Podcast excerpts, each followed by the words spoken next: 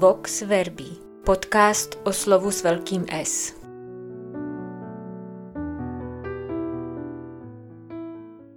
Na závěr Ježíšova vyučování v chrámě nám evangelista nabízí příležitost potkat již čtvrtou, předposlední z pěti Ježíšových anonymních spojenkyň, které v evangelním příběhu podhalují důležité aspekty učednictví nebo samotného Ježíšova tajemství. Tou první spojenkyní byla Šimonova tchýně. Hned na začátku velkého evangelního příběhu její osobní příběh odhalil čtenářům, kam míří Ježíšova uzdravující moc. Jako první ze všech postav evangelního příběhu se chopila služby, která je typickou črtou Ježíšova tajemství a má být též typickou črtou Ježíšova učedníků. Jako druhá spojenkyně se projevila neznámá žena trpící dlouholetým krvácením. Stala se pro čtenáře Evangelia první učitelkou víry, a to zrovna krátce poté, co sami učedníci projevili její vážný nedostatek. Třetí spojenkyni jsme spolu s Ježíšem potkali v pohanském Tyrském kraji. Sedmá kapitola. Řekyně syrofenického původu byla tou, která nejlépe ze všech vystihla rozdíl mezi pouhou etnickou příslušností k božímu lidu a takovou příslušností k božímu lidu, která je založená na učenlivé otevřenosti vůči Ježíšovu poselství. A nyní přichází na řadu čtvrtá dáma. Podobně jako v případě těch předchozích, evangelista neprozrazuje její jméno – Známý je pouze její sociální status a ekonomická situace. Je to chudá vdova.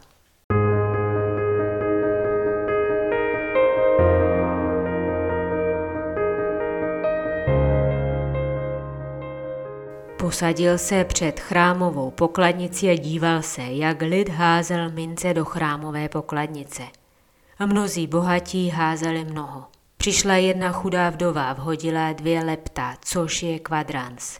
Zavolal své učedníky a řekl jim, Vpravdě vám říkám, že tato chudá vdova vhodila víc než všichni, kdo vhazují do chrámové pokladnice. Všichni totiž házeli ze svého nadbytku. Ona ale ze svého nedostatku vhodila všechno, co měla, celý svůj život.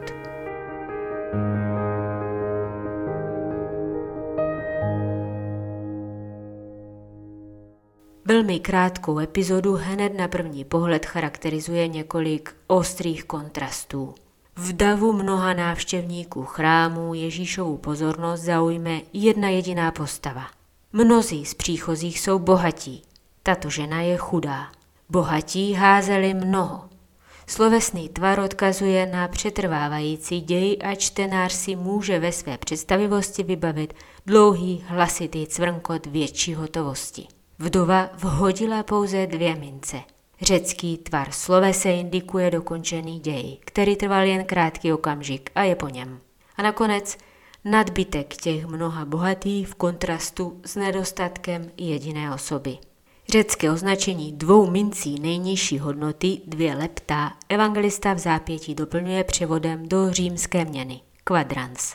Vyniká tak rozdíl mezi dvěma mincemi a jednou jedinou mincí v totožné hodnotě. Kdyby evangelista použil pouze římské označení quadrans, bylo by hned jasné, že chudá vdova neměla jinou možnost. Hodila jedinou minci, kterou měla. Zmínka o dvou řeckých mincích ale naznačuje, že vdova i ve své bídě měla možnost volby.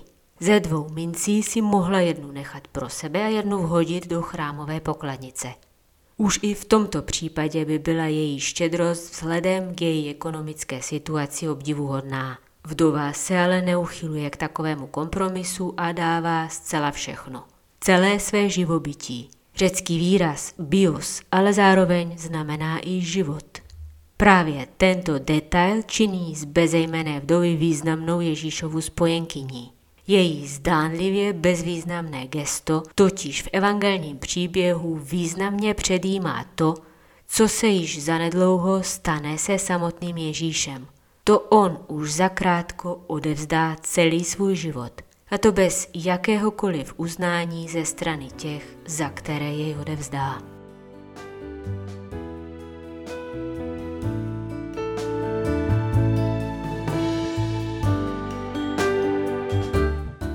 Vox Verbi, z nakladatelství Paulínky.